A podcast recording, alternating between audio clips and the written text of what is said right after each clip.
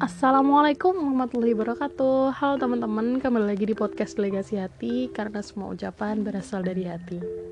Alhamdulillahirrahmanirrahim Hari ini aku masih diridhoi Allah Buat ngerekam podcast setelah sekian lama Gak update episode. Masya Allah uh, Ya, aku mohon doanya dari teman-teman pendengar sekalian. Semoga nanti ke depannya aku bisa lebih istiqomah untuk um, ngerekam episode-episode podcast selanjutnya Nah, buat episode kali ini, aku um, ingin sedikit memberikan respon berdasarkan pikiran-pikiran aku uh, tentang sebuah fenomena yang viral di sosial media akhir-akhir ini. Mungkin teman-teman ada yang udah tahu, tapi ada juga yang belum tahu.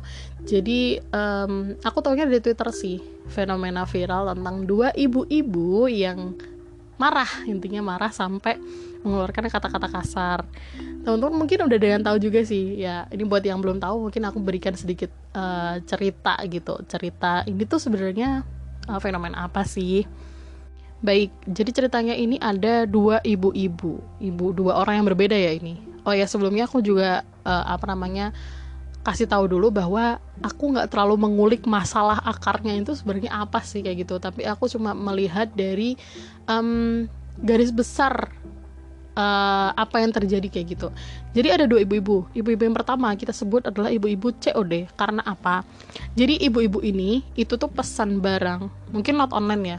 Terus da, uh, didatengin atau barangnya kita pesan itu bentuk dalam bentuk COD gitu. Cost on delivery. Jadi barang datang dibayar uh, lewat kurirnya kayak gitu kan. Nah uh, ternyata barang yang datang itu nggak sesuai pesanan si ibu-ibu ini tadi. Nah ibu-ibunya marah lah marah ke kurirnya. Uh, kenapa sih intinya kenapa sih ini barangnya nggak sesuai pesanan yang datang nggak sesuai pesanan dia marah sampai ngata-ngatain si kurirnya. Ngata-ngatain kata kasar kata kasarnya bodoh lah. Teman-teman nanti bisa cari sendiri videonya ya di sosial media banyak. Di video ini sama kurirnya ya mungkin entah buat apa sama kurirnya mungkin buat bukti dan sebagainya. Terus mungkin karena juga di upload di sosial media akhirnya viral tuh sejagat sosial media nah selanjutnya buat ibu-ibu yang kedua kita sebut aja ibu-ibu mudik uh, seperti teman-teman tahu sejak tanggal kalau nggak salah ya 7 sampai 17 kemarin ya atau 7 sampai 18 ini um, ada yang namanya pengetatan mudik kan. Jadi nggak boleh tuh teman-teman keluar dari wilayah karena emang lagi ada pembatasan biar orang tuh nggak mudik. Nah, siapa yang mau keluar wilayah atau mau mudik jadi jauh nanti dia disuruh putar balik gitu di setiap perbatasan wilayahnya. Nah mungkin ibunya ini juga mau keluar wilayah, keluar wilayah dia nggak nggak bawa surat izin, jadi sebenarnya boleh kan mudik boleh keluar wilayah asal ada izinnya, izinnya itu apa gitu mau keluar wilayah. Nah mungkin ibunya ini mau keluar wilayah tapi nggak ada izin, disuruh putar balik tuh sebenarnya sama si petugas yang jaga di perbatasan, disuruh putar balik, ibunya sama keluarganya ya ini bawa mobil satu. Um, nggak terima marah-marah lah tuh marah-marah juga. Ibunya marah-marah tuh sama petugasnya sampai mengeluarkan kata-kata kasar yaitu salah satu nama binatang di darat. Marah gitu ke petugasnya terus petugasnya ngevideoin. Videonya juga diupload di sosial media terjadi viral nah dari dua fenomena ini itu yang aku tarik kesimpulan itu ada dua hal yang sama gitu yang pertama adalah dua-duanya sama-sama ibu-ibu dan dua-duanya dalam kondisi sedang marah. Nah dari sini itu um, respon netizen tuh beragam banget gitu. Ada yang menjadikan ini jadi bahan lelucon juga gitu, misalnya dijadiin stiker atau dijadiin meme, terus diedit video-video kayak gitu. Tapi ada juga respon netizen yang menyayangkan gitu, menyayangkan uh, perilaku ibu ini ketika marah. Misalnya kayak tadi uh, menyayangkan ibu-ibu COD-nya tuh kenapa sih harus marah sama kurir? Orang kurir cuma nganterin barang doang gitu.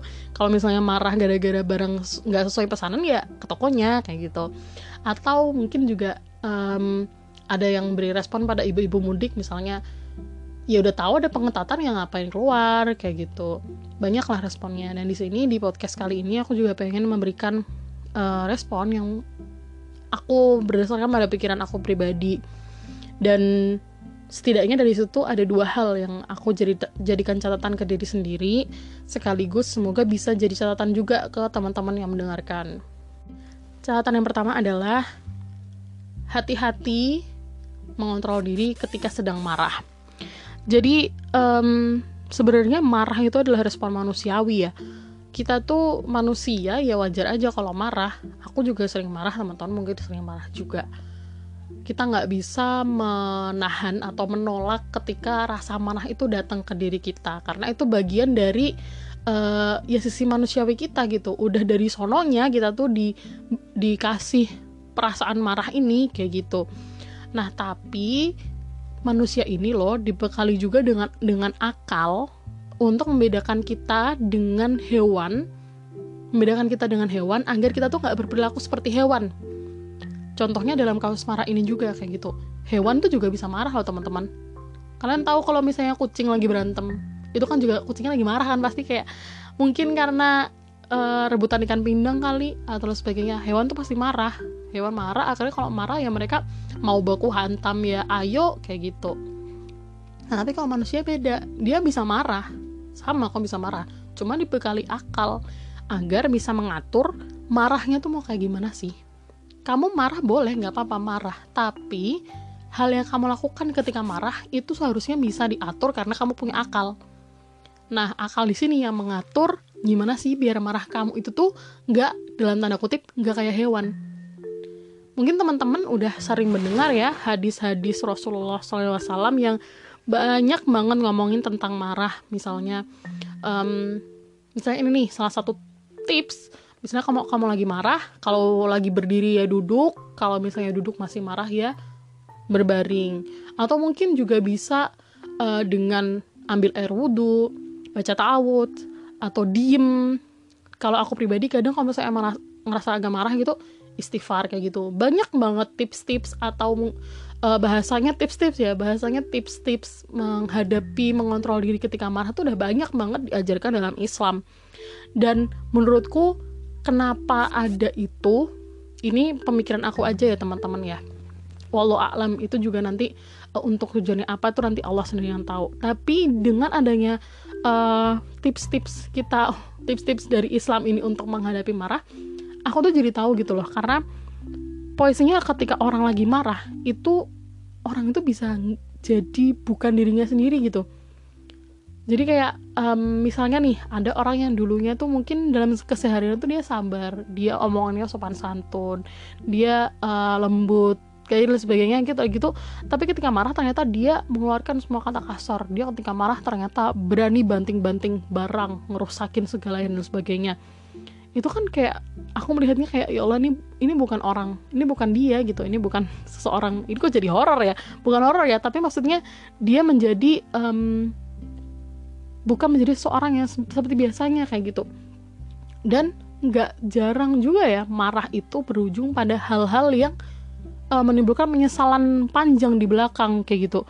Bahkan marah itu bisa memicu ke perbuatan-perbuatan kasar atau perbuatan-perbuatan kriminal juga kan misalnya nggak jarang tuh um, orang marah berujung pada ngebunuh orang. Atau mungkin teman-teman dulu waktu awal-awal nggak dulu sih di awal-awal sekolah online ada juga kasus ibu ngebunuh anak karena nggak bisa atau susah belajar waktu online. Atau uh, kalau teman-teman tahu kasus Ari Hanggara nanti teman-teman bisa searching di Google Ari Hanggara itu anak yang dibunuh sama orang tua tirinya. Karena orang, orang tua orang tua tirinya tuh marah menuduh anak ini uh, nyuri uang kayak gitu. Dipukulin disiksa dan sebagainya sampai meninggal. Dan itu bener viral di waktu itu di tahun 80-an kalau nggak salah ya. Uh, karena emang waktu marah itu soalnya kayak setan tuh emang banget loh mengatur kita gampang banget kita kita melakukan hal-hal yang eh, nggak uh, seharusnya dilakukan kayak gitu. Dan kalau kasusnya kayak ibu-ibu ini nih ibu-ibu dua ini ibu Jauh sama ibu mudik mereka tuh ya bisa bisa dibilang marahnya tuh nggak ada sejaman kali ya. Marahnya itu mungkin cuma berapa menit ngomong kasarnya cuma berapa detik tapi viralnya tuh mungkin nanti bisa sampai tahun depan sampai bertahun-tahun selanjutnya loh. Viralnya dia itu bakal diingat sama netizen dan netizen netizen Indonesia. Viralnya dia tuh um, bahkan berujung sampai ya biasalah dicari IG-nya, dihujat di sosial media lainnya dan sebagainya. Padahal itu berawal dari apa? Dari kata-kata kasar yang dikeluarkan nggak ada 5 detik mungkin ya. Tapi efeknya ke, uh, ke belakang itu sangat-sangat panjang. Nah, dari situlah kenapa kita harus hati-hati banget, hati-hati banget ketika sedang marah. Balik lagi, di sini bukan berarti kita tuh nggak boleh marah. Boleh marah, itu manusiawi.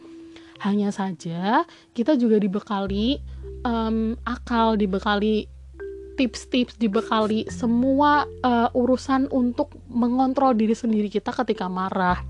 Agar nantinya kita tuh nggak nyesel setelah marah.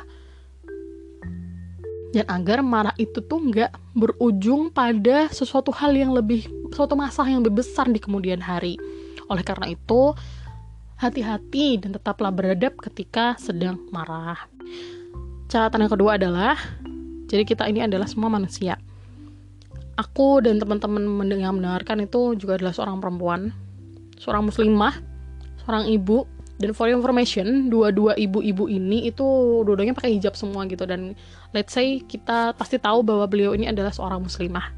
Alangkah baiknya bahwa uh, seorang ibu seorang perempuan seorang muslimah itu untuk menjaga apa yang dikeluarkan dari mulutnya apa yang dikatakan, apa yang dilontarkan ketika berbicara itu harus dijaga bener-bener hati-hati bener-bener. Karena apa? Um, kita ngomonginnya ke jangka yang lebih panjang ya. Seorang perempuan seorang muslimah itu pasti nanti akan ditak uh, insya Allah ya insya Allah ditakdirkan juga menjadi seorang ibu. Termasuk di sini aku dan teman-teman sekalian yang mendengarkan. Ibu itu adalah uh, pendidik anak-anak itu. Orang yang paling dekat dengan anak-anak itu adalah ibu. Bahkan ya sedekatnya anak sama ayah misalnya ya. Pasti lebih deket pasti le uh, lebih deket ke ibunya tuh karena emang waktu dari kita masih dalam bentuk zigot masih janin itu kita udah udah nempel loh di tubuh ibu kayak gitu. Dan anak-anak itu adalah peniru ulung. Uh, ini sebenarnya nggak terbatas ibu doang sih tapi juga orang tua. Orang anak-anak itu tuh pasti bakal meniru apa yang dilihat dari uh, orang tuanya. Anak-anak itu pasti akan menjadikan orang tua itu sebagai role model pertamanya. Orang tua um, anak-anak itu pasti meniru apa sih yang dilakukan sama orang tuanya itu ditiru. Ya sebagai bukti nyata aku aja deh misalnya. Aku dulu waktu kecil tuh suka banget um, main role play. Kayak aku berpura-pura jadi seorang bidan yang menolong persalinan. Jadi ibuku tuh bidan gitu atau jadi uh, main kayak dokter-dokteran gitu. Karena ibuku ya tenaga medis otomatis sering megang pasien kayak gitu. Aku meniru karena aku melihat ibuku kayak gitu. Nah sama hal yang seperti ini. Uh, jangan sam ya harapannya gini aja harapannya jangan gini aja jangan sampai anak-anak kita nanti itu meniru hal yang kurang baik dari orang tuanya. Coba kalau misalnya anak-anak kita itu ngelihat ibunya mengeluarkan kata kasar ketika marah, mengeluarkan nama-nama binatang ketika marah, nanti ternyata kalau anak-anak itu marah, dia bisa jadi meniru kita juga, meniru dia ikut mengeluarkan kata kasar dan nama-nama binatang ketika dia marah ke kita atau marah ke temennya. Itu kan sebenarnya mencontoh hal yang kurang baik kayak gitu jujur kalau aku sendiri nggak tega kalau melihat anak aku ternyata meniru hal-hal yang kurang baik dari aku. Apalagi nih ya teman-teman muslimah yang punya mimpi untuk menjadi pendidik generasi emas Islam di masa depan tapi ternyata belum bisa mengatur apa yang keluar dari mulutnya kemudian uh, bermimpi pengen jadi pendidik generasi Islam masa depan, tapi ternyata dia sendiri belum bisa mengontrol amarahnya, mengontrol mulutnya ketika dia sedang uh, berbicara. Apakah kira-kira pantas, teman-teman? Ini kita pikir pakai um, nurani aja sih. Kira-kira pantas nggak kalau misalnya kita bermimpi semulia itu, bermimpi setinggi itu, tapi kita sendiri belum punya apa ya? Belum bisa mengusahakan diri untuk berperilaku yang lebih baik terutama untuk urusan perkataan. Karena ya aku pribadi merasakan aku aku pribadi memikirkan bahwa ya nanti itu suara ibu itu yang bakal pertama kali didengar juga kan sama anak-anak gitu ketika nanti di dalam kandungan. Nah dan aku pribadi juga ya ya insya Allah nanti juga akan jadi seorang ibu gitu kan insya Allah aku juga uh, pasti pengen gitu anak-anak aku harus lebih baik daripada aku harus uh, berperilaku lebih baik daripada aku yang sekarang kayak gitu. Aku sekarang atau aku di masa depan kayak gitu. Dan jangan sampai anak-anak aku itu meniru hal yang kurang baik dari aku. Dan ketika nanti nah udah bisa ternyata dia meniru hal yang kurang baik pasti aku berusaha untuk memperbaikinya juga gitu kan.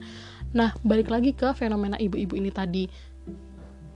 Rasanya tidak pantas kalau seorang ibu yang pengen anaknya jadi lebih baik daripada dia tapi dia nggak mencontohkan hal yang baik kepada anaknya.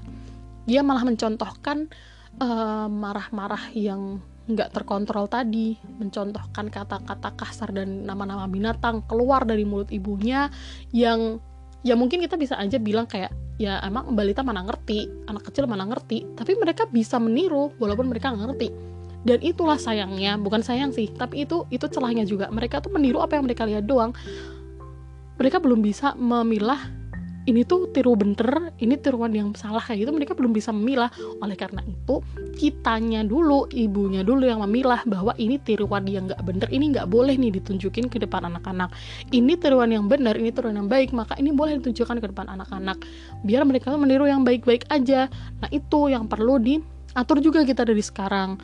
Jadi buat teman-teman yang perempuan, muslimah lebih tepatnya, lebih uh, jauh lagi yang nanti juga calon ibu mulai sekarang diatur omongannya. Diatur tadi ketika marah uh, diatur dikontrol dirinya agar tidak mengeluarkan kata kasar ya minimal dan juga tidak melakukan perilaku-perilaku yang kurang uh, baik lainnya. Nah mungkin segitu aja untuk episode kali ini uh, di sini aku murni pengen berbagi insight aja ke teman-teman tentang fenomena yang ada kali-kali uh, akhir-akhir ini. Bukan urusan viral enggaknya sih tapi dari viral ini ternyata masih ada loh. Hal-hal yang perlu kita jadikan pikiran hal-hal yang perlu kita kritisi juga.